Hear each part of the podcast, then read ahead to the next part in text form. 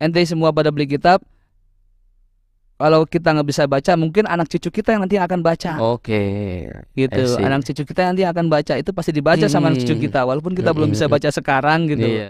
Mm-mm. bakal mau tapi coba kita ajak mereka untuk duduk bareng kita ngobrol sama mereka walaupun dia masih SMP kita ajak Iya. ngobrol terus kita ajak jalan keluar Hmm. itu kita ajak jalan keluar ya minimal kita beliin Indomie gitu kan kita ajak Oh, ngobrol iya, gitu iya. kan Kita suap dulu ya. kita sudah dulu Assalamualaikum warahmatullahi wabarakatuh. Waalaikumsalam warahmatullahi wabarakatuh Alhamdulillah wassalatu wassalamu ala Rasulillah wa ala alihi wa ashabihi wa mawala. Apa kabar sobat TK News di mana pun berada? Mudah-mudahan kita semuanya dalam keadaan cager bager lahir batin. Amin. amin amin amin Hari ini kita di podcast Tasawuf nih bareng dengan Al Ustadz Minal Bogor. Minal Bogor Minal Bogor. Al Bogoriu Ustadz Deden Khair Rozi. Ini yang punya soto mie Bogor. soto mie Bogor soto kaki sapi santan soto gitu kaki sapi santen. Bogor Bogor di Manggarai. Di Ma- di Manggarai. Satu-satunya. satu-satunya Nah, jadi Alhamdulillah nanti teman-teman kalau mau mampir silahkan di Manggarai ini soto mie Bogor kaki sapi santen. kaki sapi santan Haji Muhadi Effendi Haji itu nama Nah- orang tua Nama orang tua. Nama orang Haji tua. Muhadi Effendi. Masya Allah. itu satu-satunya di ya. Manggarai asli Bogor mana Tat? Bogornya Ciampe ya Tat? Ciampe. Ciampe ya Masya Allah. Dari tahun berapa Tat? kalau yang di Manggarai itu dari tahun 73 itu 73. 73 Wah banget itu ya. kisaran Soto ya. 50 tahun satu gitu ya 50 50 tahun. tahun Itu Jadi sekarang yang Alhamdulillah. lanjutin Ustadz Deden. lanjutin sama kakak gitu Sama kakak. gitu Berarti aja. resepnya itu dari Nggak dulu berubah nggak berubah ya. Nggak sama berubah, yang, yang sama. nih ya. Jadi sanatnya mutasil ini. benar-benar Sanat soto Bogor. Ciampea. Masya Allah. Dulu pernah ada cerita apa? eh, Bapak tuh bisa buka usaha tuh. Kalau boleh tahu nih Tat, Ah, kita gitu. sebelum kita masuk nih ke pembahasan. dulu sih yang ada cerita menarik ya dari Umi gitu Heeh. kan tempo hari waktu Umi masih tinggal di Ciampea Bogor itu Heeh. kan Umi punya saudara dan luar biasa itu memang dalam keadaan kekurangan tuh Umi Hmm, sama bapak itu kan iya. dalam keadaan kekurangan sampai cerita baju Umi ada yang sobek gitu kan sampai nggak Ah. bisa kebeli baju tempo Iya, hari iya Umi tuh Allah, iya. dihina lah maksudnya di di di di apa Diledekin ya, lah. diledekin Ah. lah sama uh, saudara saya gitu Hmm. kan akhirnya dengan tekad yang kuat bapak ya udah ayo kita ke Jakarta kita ada nasib di Jakarta Gitu. Hmm. ini pada kira-kira tahun sem- tahun 60-an lah gitu lah ya Hmm. Baru punya anak satu Umi sama bapak ke Jakarta Hmm, di situ baru bikin soto tuh di situ Di situ baru ngolah soto sendiri gitu kan Itu ngolah sendiri apa? itu ngolah sendiri Ngolah resep sendiri ya? resep Oke. sendiri resep buatan sendiri gitu Hmm. hasil sendiri gitu alhamdulillah Nah, itu kan banyak nih tukang soto-soto mie Bogor nih sekarang Iya, di benar, Jakarta. Iya, benar. Itu dari mana tuh? Ini Kalau kalau soto resep. mie itu beda ya sama soto yang di Manggarai gitu beda, beda. Kalau soto yang di Manggarai itu kan lebih kepada kuahnya kuah santan, kuahnya kuah santan gitu saat kuah santan. Sehat ya? Sehat kuah santannya. Sehat. Halal yang penting halalan toyiban. Bener alhamdulillah Alhamdulillah, thayyiban, gitu.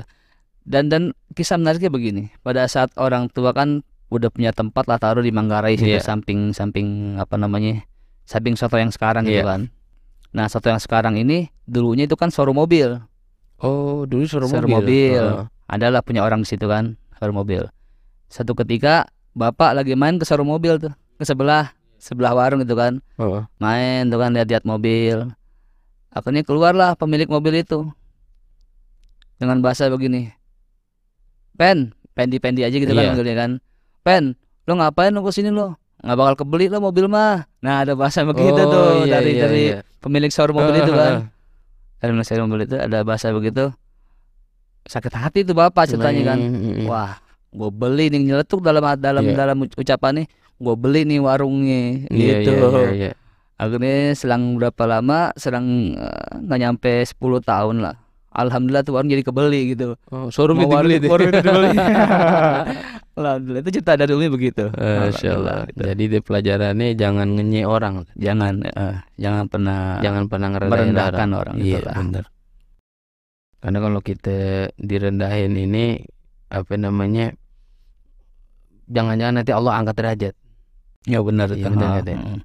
buat orang Karena- yang di nye atau direndahin juga jangan ini kali ya jangan eh, jangan buru-buru ngambek juga kali ya jangan-jangan itu rupanya jadi pelecut semangat juga kan benar itu bisa jadi orang yang direndahin ini dia bisa timbul semangat baru untuk iya bangkit benar gitu. benar benar jadi powernya lebih kuat Eh, gitu eh, kan eh, dibanding eh. dia tidak dihina gitu iya benar Gitu. benar benar makanya hinaan itu kan membangkitkan semangat kita untuk lebih ke depan lebih maju iya gitu ketimbang misalnya dipuji-puji ketimbang kadang dipuji-puji puji-puji malah bikin orang terlena benar lupa diri benar. benar benar Jadi itulah kisah gimana soto Bogor sampai sekarang bisa eksis. alhamdulillah Gitu. Resepnya saya belum jajal juga nih harus ke Oh, sana harus kayaknya nih. main dong saya dong Harus main harus, nih, eh, harus harus main. jajalin Alhamdulillah. Ya, Ustaz Deden kan dulu pernah pesantren nih di Alamin, ya kan Curug Alhamdulillah, ya. di Curug, ngobrol tadi sebelumnya kan. Kemudian di Almasturia, Almasturia. Sukabumi, Kiai Masturo ya. Kiai Haji Masturo Kiai Haji Masturo gitu. Apa pengalaman Ustadz Deden nih menempuh pendidikan di pesantren nih? Yang apa ya? Yang mungkin membawa perubahan ya. Nyata ya kalau pengalaman untuk di pesantren sih karena kan tempo hari pesantren kita masih SMP gitu ya Mm-mm. masih SMP ya jadi tidak Lulus terlalu SD berarti itu ya lulus langsung SD pesantren. jadi untuk pendidikan keilmuan itu eh, belum terlalu yang gitu ya Mm-mm. belum terlalu paham lah gitu Mm-mm. pendidikan keilmuan tapi di situ Se- ada SD. SD Oke. ada SD Umum berarti kan. ya? umum gitu tapi di situ ada pengajaran-pengajaran guru sih yang yang yang yang bisa jadi saya apa namanya terapkan gitu kan setelah setelah keluar dari sana gitu kan. Sampai sekarang masih ingat gitu. Apa tuh, sekarang masih ingat. Ternyata ngabdi kepada seorang guru itu bisa membawakan kebarokahan yang sangat hebat buat saya gitu. Karena saya dulu emang gak ngaji cuman Iya. saya suka nyapu nyapuin halaman-halaman guru gitu. Oh, saya iya, jarang iya, ngaji iya. dulu di Ah, pondoknya gitu kan cuman saya suka nyapuin halaman guru Hikmah halaman, ya, halaman sama berkhidmat guru sama ya, guru sama gitu. kiai ya. Berhikmah gitu lah. Ya walaupun saya dianggap sama kawan-kawan tempo hari bahasanya kan oh dia lu nggak pernah ngaji lu kata dia. Nggak apa-apa saya bilang nyapuin aja gitu salah itu pelajaran-pelajaran kayak gitulah gitu. Jadi jangan jangan cuman belajar aja tapi juga kudu ada hikmahnya gitu Ustaz ya. udah ada hikmahnya Udah ada hikmahnya. Kalau di Almasturia apa Ustaz? kalau di Almasteria dia lebih kepada apa ya namanya ya pergaulannya sih dia mah tuh. Lebih, Lebih- luas kan lebih dari luas gitu. berbagai Dari berbagai daerah, daerah di gitu. Indonesia ya. dan dari Lampung kan lebih luas lah gitu Mm. lah dan di sana lebih modern di Almasteria itu Mm. gitu, lebih modern lah gitu Jadi membuat kita mudah untuk beradaptasi ya di Nah, pesantren. gitu kalau di pondok kan kita lepas dari orang tua orang gitu. tua, lebih mandiri lah kira-kira gitu ya. Pernah ini Ustaz, waktu di pesantren tuh diamanahin apa ceramah atau apa gitu. Belajar ceramah nggak dulu di pesantren? Dan Bu Ari ada pengalaman lucu waktu saya di Almasturia itu ya. Apa itu? Itu kan di Almasturia kan ada yang namanya latida ya, latihan dakwah. Oh, Oh, latida itu Ah. latihan dakwah. Itu setiap sebulan sekali itu kebagian tuh tiap kobong itu kebagian. Di kelas kita Oh, ceramah. digilir berarti ya. Digilir itu Ah, kan. ah. Dan itu ceramahnya nggak main-main. Jadi kita meja sekolah Hmm. satu tingkat lagi tinggi Oh, dua iya, jadi iya, dua iya. dua meja Iya, itu iya. kan Kita, kita diri naik. di atas katanya itu disuruh ceramah itu kan gemeternya luar biasa Iya, gitu iya, kan iya, di, iya. di depan lapangan gitu kan Ah. wah saya bilang tapi ada yang sampai nangis itu Hmm. pengalaman paling seru sih gitu sih di situ bahkan kita yang udah pernah ngapalin materi kan udah dari beberapa hari kan pada saat di atas itu udah lupa gitu udah lupa nervous gitu ya itu pengalaman seru sih jadi buat melatih mental sih itu dari situ ya Jadi kita. di gojlok di pesantren kayak gitu Iya, ya. gitu ya Langsung disuruh ceramah depan depan teman-teman. teman-teman di lapangan Di dan, lapangan. dan tempat tinggi itu. Di tempat tinggi. itu Mas santri putri juga yang liatin. ada santri putri Ada putri juga, juga? santriat juga ada Masya di situ. Iya, Wah. emang orang kalau udah panik ya, udah bingung yang kita apa aja lupa. Lupa bener. Lupa bener. Jadi jangan jangan panik, jangan pernah nervous ya bawa enjoy aja gitu. Tenang ya, Tenang aja. tenang. Ya kalau orang zikir insya Allah ya, nggak gampang Insya lupa Allah, ya. insya Allah. Insya Allah. Lu talkin dan Set? Wah ngomongin talkin nih. Ya, kita nanya dulu oh ya gitu. kan. Saya talkin Alhamdulillah baru ya tahun 2019 awal ya. Jadi saya masih 2019 muda ya, termasuk Iya, talkin masih muda ya, alhamdulillah. Alhamdulillah. Sebenarnya kalau bahasa ajengan-ajengan di TKI ini nggak ada muda nggak ada tua Benar, benar. gitu. 2019 ya? 2019 awal itu kira-kira itu. Sama siapa dulu? Dan awal talkin sama Ki Haji Sirojudin Di Ruyani. Tangerang ya? di Tangerang. Cuman saya tempo hari talkin di Azenia Sukabumi, Hmm. udah pesantren Wajajan Iya, ya. Jajan. Heeh. Di bawah sama saudara tempo hari kan. Jadi begini ceritanya, tempo hari di bawah sama saudara tuh. Saya lagi main ke Bogor pulang kampung, Iya. ngaji yuk di mana? Di Sukabumi kata gitu. Iya. Ngaji apaan? Udah ikut aja pokoknya. Ngaji apaan? Udah ikut deh. Ya udah saya ikut kan saya nggak Iya, iya, tahu ya iya, udah ikut iya. deh. Ya udah ikut sana.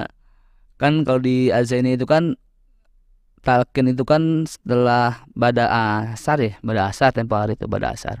Jadi ada yang mau ngaji ngaji, ada yang mau talqin talqin. Jadi saya ke ruangan talqin gitu Ngaji itu ngaji apa? ya? Ngaji kitab. Eh, tafsir, Oh, nggak tafsir. tafsir. Tafsir Jailani. Itu kan ngaji Iya. Aang yang ngajak Iya, tuh. ah. Nah, yang yang mau ngaji tafsir tafsir, yang mau talqin talqin ruangan berbeda gitu kan. Saya ikut ke talqin kan ruangan talqin karena memang baru kan. Saya ikut, saya bilang ini talqin apa nih gitu kan. Iya. Gitu kan saya nggak ngerti gitu kan. Dan saya sampai ngapalin di rumah tuh ketukan yang ada di kolbu yang sudah dititip, dititipkan itu kan saya apalin tuh bunyinya gimana gitu kan. Nggak tahu kan awalnya kan gitu. Iya, iya. Sampai saya rekam di handphone gitu kan, saya ucapin saya rekam di handphone Iya. gitu kan biar biar biar apa namanya terbiasa gitu kan. Tapi setelah dari situ saya nggak ngamal-ngamalin tuh karena nggak tahu caranya. kan. Karena saya nggak Oh, tahu. sempat lost tuh ya? Itu tahun lost. 2000 berapa itu? 19 2019. Ini pertama justru di Azenia. di Azenia talqin itu. Oh. Terus Yang sama di Syarjudin? Azenia itu. Oh, Itu di oh, Azenia. dia di, Di Azenia Oke, itu. Oke.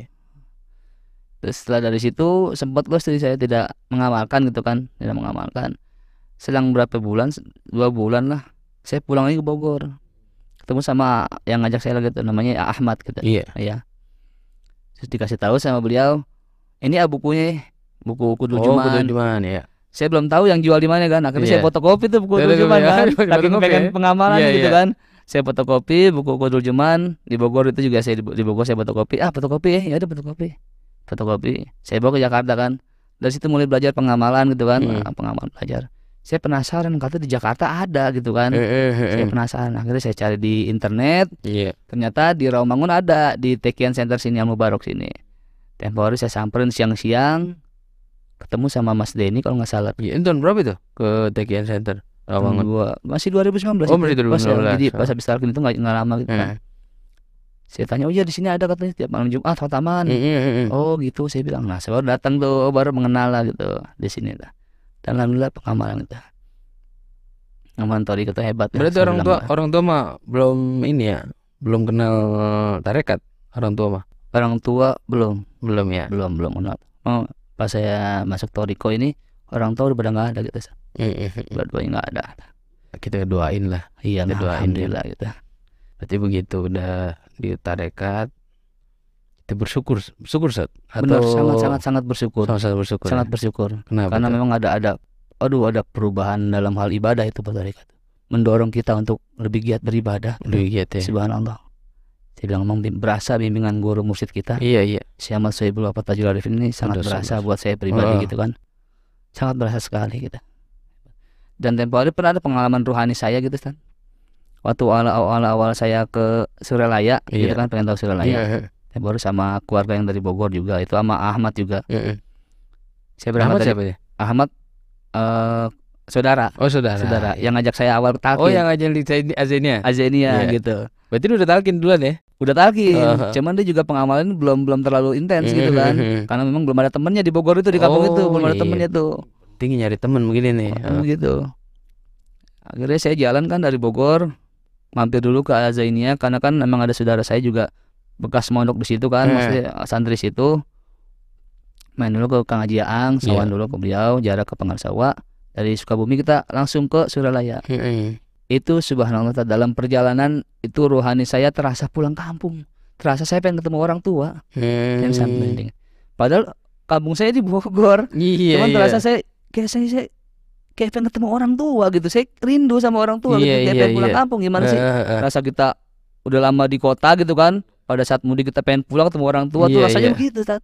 Subhanallah sih bener saya seneng banget gitu kan. Iya, kayak pengen ketemu orang tua saya bilang oh, ya mudik Allah. ya kayak Surabaya mudik. Kayak mudik Allah saya bilang, wah ini mudik saya subhanallah. Itu pengalaman pertama ya pengalaman rohani pertama buat buat saya pribadi gitu. 2020 2019 2019 masih masih akhir itu. 2019 jadi rupanya pengalaman Surabaya di kampung kita ya. Iya padahal pengalaman padahal kampung saya di Bogor tapi kampung rohani saya di Suralaya. Masya Aduh, alhamdulillah. Masya Allah. Itu ziarah tuh Ka'bah tuh ya. Jarak kabar, Jarak alhamdulillah, Ka'bah. Emang kalau Ivan Teki ini kalau udah ngomongin Abah tuh cinta yang hadir ya, cinta yang hadir, syukur yang hadir ya. Saya udah nggak bisa ngomong kalau masalah abah gitu kan. Iya, Karena memang sudah sangat-sangat sangat berasa dan saya sangat berterima kasih terutama kepada Allah iya. lewat pengersa abah tuh saya benar-benar dibimbing rohani ya. Alhamdulillah nih. alhamdulillah. Dengar-dengar juga Dede ngajar di rumah ya. Alhamdulillah Ngajar. belajar Belajar. talim muta'alim Ada gitu. betul. Ya, Masya Allah. gitu saling belajar lah gitu di rumah gitu. Anak-anak ini, anak SD, anak SMP, anak-anak SD ada anak-anak SMP SMA SMP, ada SMA. gitu dan kalau orang tua itu malam Jumat kita rutin khotaman manakib di rumah Oh, di gitu. rumah. Gitu. Guru pada talkin berarti ya? Alhamdulillah udah gitu. Diajak waktu itu talkin di mana di sini? Di sini alhamdulillah di sini. Tempo hari saya waktu pengamalan jikir pertama di Manggarai itu Ustaz. Waktu saya masih bertoriko sendiri artinya kan Iya. di Manggarai itu belum ada teman. Saya ngamalin jikir kalimat la ilaha illallah itu bareng sama anak-anak SD yang ngaji kecil-kecil yang ikro iya, iya, iya, iya. anak-anak ikro jadi habis maghrib ya, saya bilang udah ya kita berjamaah di rumah berjamaah di rumah Oh. setelah berjamaah kita jikir bareng-bareng namanya anak kecil kan la ilaha Iya, iya, iya. tapi seru sih sebelum saya sambil jikir sambil eh, seru sih saya bilang hebat dari pengamalan itu lama-lama alhamdulillah yang dewasa dewasa jadi pada tertarik dengan Hmm, dengan hmm, jikir jikir itu kan. Ngajaknya bagaimana itu? ini lagi-lagi ke rumah guru sih. Ini Hmm. lagi-lagi dari bimbingan abah gitu ya. Iya, saya di pengajian itu di rumah saya nggak pernah ngajak mereka untuk ayo ngaji sama gue sini. Nggak pernah. Iya, terus saya rutinkan pengamalan. Iya. eh, tingkatan pengamalan Hmm. pribadi gitu kan. Mm, di masalah mereka mau ngaji atau tidak itu urusan mm. yang maha kuasa urusan Allah lah jadi mereka datang sendiri alhamdulillah gitu Hmm. tiba-tiba datang sendiri saat mau ngaji ada ya bareng-bareng kita ngaji di sini Iya, iya, Gitu. iya.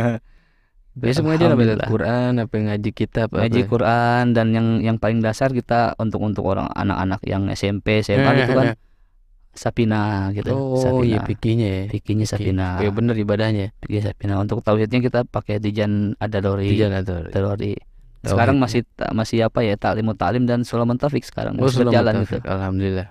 Alhamdulillah Kita kita pesantren tuh. iya kita kita pesantren Hitung-hitung dasar dasar mutola- pesantren tuh Hitung-hitung mutolah itu deh. Iya, hitung-hitung Hitung mutola, mutola, kita jadi ketemu lagi tapi wani kita yang dulu nih. Iya.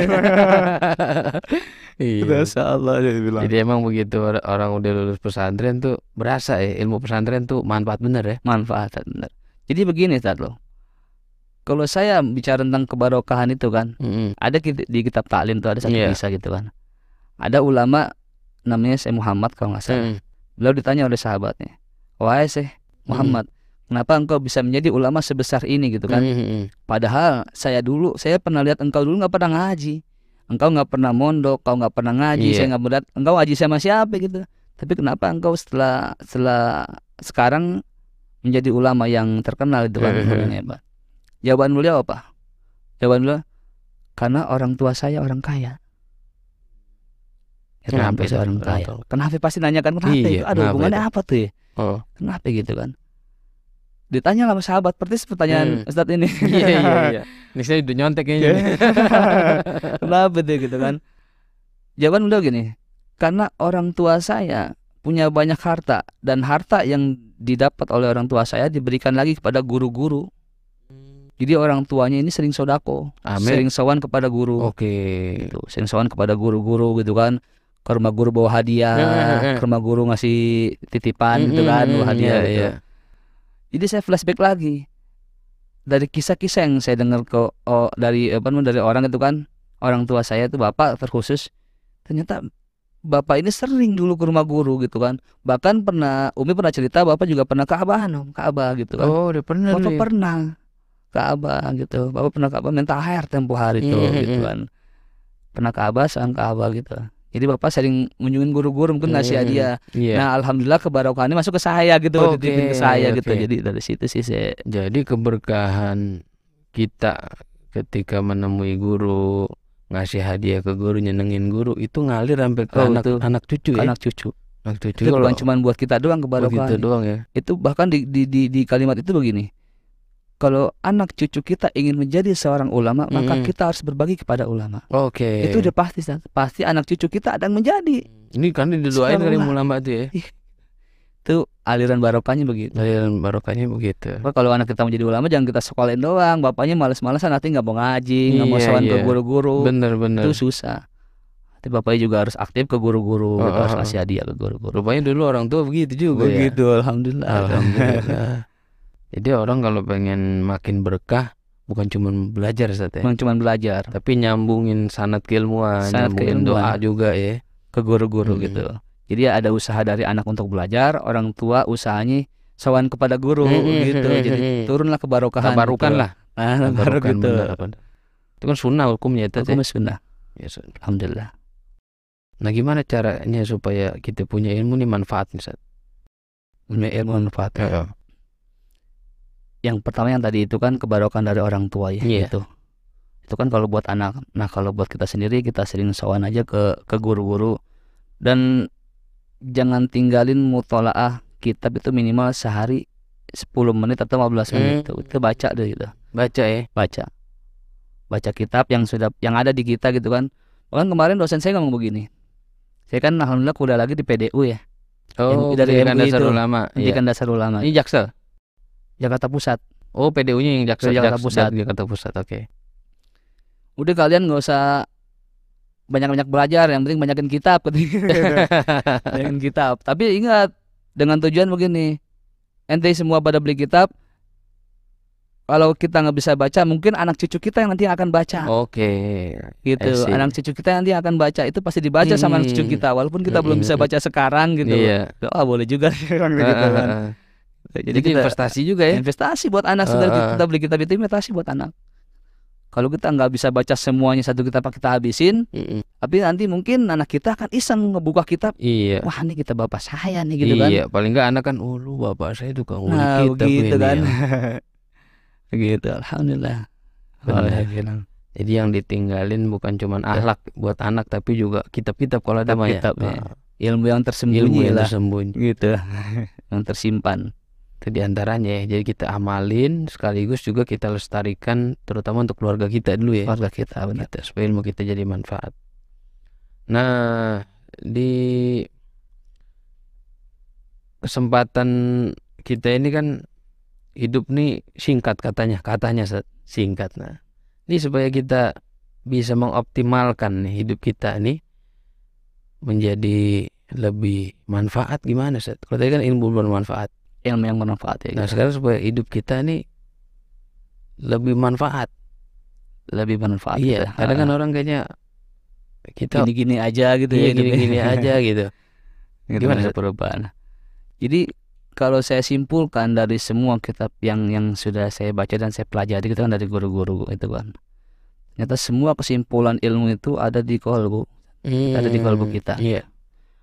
Dan kolbu itu ada di dalam diri kita Mm-mm. jadi kalau kita ingin bermanfaat eh, dalam kehidupan terutama perilaku kita Iya. ya coba kita pelan-pelan kita belajar untuk memperbaiki kolbu kita dulu dari Mm-mm. sekarang itu kalau kita ada bahasa ah dan ntar aja lah belum siap lah nah mau kapan mau, mau Mm-mm. kapan gitu kan kita mau baiknya gitu kan di sini kan kita lagi belajar gitu kan ya terkhusus ilmu tasawuf sih kalau saya bilang Mm-mm. itu ilmu tasawuf itu kan termasuk kepada pembersihan kolbu Iya. gitu. Dan toriko itu adalah jalannya gitu kan satu Iya. caranya gitu ya.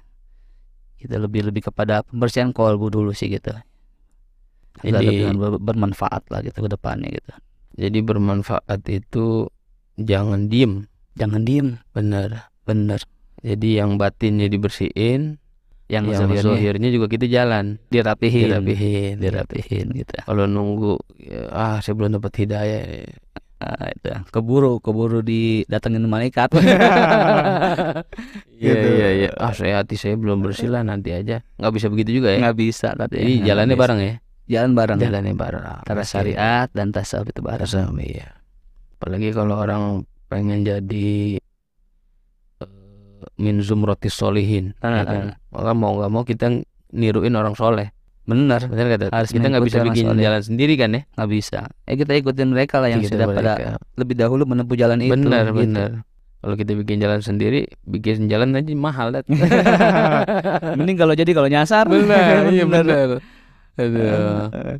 Emang paling Masya gampang tuh Allah. kita punya jalan yang udah dibuat sama guru-guru kita, kita Guru-guru tinggal ikutin aja. tinggal ya. ikutin gampang sebenarnya Gampang ya gitu sebenarnya, iya. Misalnya kita mau apa enggak gitu kan untuk, Iya. untuk masuk gitu ke dalamnya kita. Kalau di Jakarta sekarang Ustaz, pengalaman antum sebagai guru ngaji gitu ya. Ini anak-anak sekarang sama pengajian sebenarnya lebih sulit untuk diarahkan atau ada tantangan tersendiri. Eh kalau hemat saya sih pemandangan saya gitu kan khususnya di wilayah wilayah Manggarai Iya. gitu kan. Itu memang agak berat sih karena sudah ada media kan, media sosial Iya, itu media kan HP yang- lah. media HP lah Heeh. gitu lah. Itu yang menjadi tantangan ya buat kita. Jadi caranya ya kita lebih dekat kepada mereka dengan masuki apa yang menjadi aktivitas mereka gitu loh. Contohnya gimana? Contohnya begini, mereka kan sering main HP lah, main game lah gitu lah ya. Hmm, Kalau kita ajak mereka ngaji nggak bakal mau, hmm, nggak bakal mau. Tapi coba kita ajak mereka untuk duduk bareng, kita ngobrol sama mereka, walaupun dia masih SMP kita ajak Iya. ngobrol. Terus kita ajak jalan keluar, hmm. itu kita ajak jalan keluar. Ya minimal kita beliin Indomie gitu kan, kita ajak ngobrol iya, gitu iya, kan. Kita suap dulu ya. Kita siap dulu. Jadi dakwah begitu. Eh, Indomie. Kudu-kudu mau berkorban ya. Udah harus berkorban, harus Eh, berdarah eh, dulu kita Iya, iya. gitu. Dari situ nanti kan mereka ada ketertarikan, kedekatan sama kita, barulah mereka akan mengungkapkan rasanya gitu kan, Heeh. rasa keinginannya untuk Iya. ngaji gitu. Nanti akan timbul mereka gitu. Gitu. Ya sebenarnya anak-anak itu sebenarnya mudah diarahkan cuman mulainya aja ya. Mulanya aja kita harus Mulainya harus aja ya. kitanya yang yang harus benar-benar mendekatkan Iya. dia gitu. Tapi tuh kalau anak-anak ngaji tuh orang tuanya tahu apa mereka atas perintah Kemauan orang tua sendiri. eh, atau keinginan sendiri anak. Sebenarnya Biasanya harus sinkron sih. Idealnya kan sinkron ya. Mm, harusnya orang tua tahu gitu kan. Iya. Tapi gini kalau yang kecil-kecil itu yang masih SD kalau di rumah itu biasanya orang tua nyerahin. Ini Oh. Ustadz, ini anak saya mau ngaji gitu kan. Hmm, hmm, hmm. Biaya Berarti dari berapa? dari nol dari nol pisan tuh ya. Dari nol. Hmm. Ini biaya berapa? Saya bilang, aduh mohon maaf bu, saya bukan nggak mau terima gitu kan. Memang saya amanat dari guru. Iya. Saya amanat dari guru Al Amin itu nggak boleh namanya saya menerima uang, kan. Atau kita minta uang dari dari anak yang ngaji gitu. Bagus-bagus dia mau ngaji gitu Iya, kan, iya, gitu aja iya. dulu. Bagus-bagus dia mau Transfer ngaji. aja bu gitu ya. transfer aja tapi itu amanah saya pegang sampai Iya, sekarang iya. masih alhamdulillah justru jadi justru kamu yang harus berkorban kata guru seperti itu iya insya Allah jadi ya gitu jadi anak pada pada santai gitu kan Mm, kita mm, punya mm. pada santai gitu Beda ya kalau umpama kita ngajar ngarepin duit sama emang ngajar dari hati tuh pasti hasilnya juga berasa ya. beda ah. ke anaknya, be- Anaknya berbeda beda, ke berbeda. berbeda gitu dan alhamdulillah yang saya lihat itu pengajian di rumah sama kan mohon maaf ya bukan bukan kita menjatuhkan atau menjelekkan pengajian di di di, Iya. di sekitar rumah juga bukan tapi ini kan yang menilai kan masyarakat gitu kan jadi anak-anak yang di rumah itu yang ngaji di rumah lebih gemar untuk ibadahnya lebih terlihat gitu Oh, oke. peningkatan ibadahnya lebih Hmm, terlihat hmm, hmm. gitu peningkatan ibadah lebih terlihat karena saya metode di rumah pengajian itu tidak hanya kita menyampaikan materi tapi kita gembleng juga dengan amalia-amalia dari TKN Hmm. gitu. seperti sholat-sholat eh, tempo hari kan sholat yang seribu rakaat Iya, itu iya. kan Diajak tuh. dihajar saya saya gembleng gitu kan Itu anak SD itu. pada ya, kabur kan kabur kabur. Iya begitu mentah-mentah anak SD mah gitu Iya iya. iya tapi alhamdulillah Tapi yang, yang, remaja luar biasa itu ya. ya remaja yang Diajak luar biasa. tuh ya. yang SMP yang SMA itu ada pada pada mau be- wah, pada sakit kan dengkul katanya Eh, iya iya. itu masalah dan tiap malam Jumat eh, kita ngadain sholat-sholat tasbih gitu kan di rumah. Heeh, jadi kita iya. gembleng materinya kita kasih Hmm, dan hmm. ubudiahnya pun kita Oh kasih iya. Ini jadi yang yang jarang ya. jadi mereka kuat gitu kan Bener bener bener. biasanya kan cuman kalau cuman kita kasih materi doang dia tidak tahu cara pengamalan gimana bener, nih gitu bener. kan langsung praktek. Kan yang praktek Iya, kita gitu bareng-bareng ya. bareng-bareng kita waktu ibadah gitu Sebenarnya ngajarin ke- ikut terdidik juga ya. sebenarnya jadi Bener mau ya? nggak mau gitu kan mau. benar Iya, pendidikan bener. buat buat saya pribadi Iya, juga iya. ya. Masya Allah gitu Masya Allah. alhamdulillah Alhamdulillah. Ada pesan nggak Tat kira-kira nih Tat buat generasi ya kita nih terutama buat Iwan Tekian nih. Terutama untuk ikhwan TKN ya pesannya. Ya kita sa- saling ini aja lah, saling sharing lah, saling saling sharing. sharing lah kita. Tingkatkan aja amalia lah. Tingkatkan amalia karena dengan amalia semua akan berjalan mengalir sesuai dengan keindahan-keindahan yang Allah berikan kepada kita. Hmm. aja sih. Pengama- eh, pengalaman saya begitu ya. Eh, pengalaman saya dengan cara mengamalkan dengan baik dan benar apa-apa yang disampaikan atau diamanatkan oleh guru kita amalkan dengan sebaik-baiknya Hmm. Itu bisa. hasilnya luar biasa pokoknya lah biasa. insya Allah itu nggak bisa diukur pakai materi bisa, Tat, ya? nggak bisa. Nggak bisa deh kita bisa. ungkapin juga wah terlalu Eh, banyak gitu nggak bisa. Kita pesannya itu aja sih buat, buat Makasih Ustadz Deden sama-sama Ustaz. sudah berbagi di podcast tasawuf. Mudah-mudahan suatunya makin laris, Amin amin amin.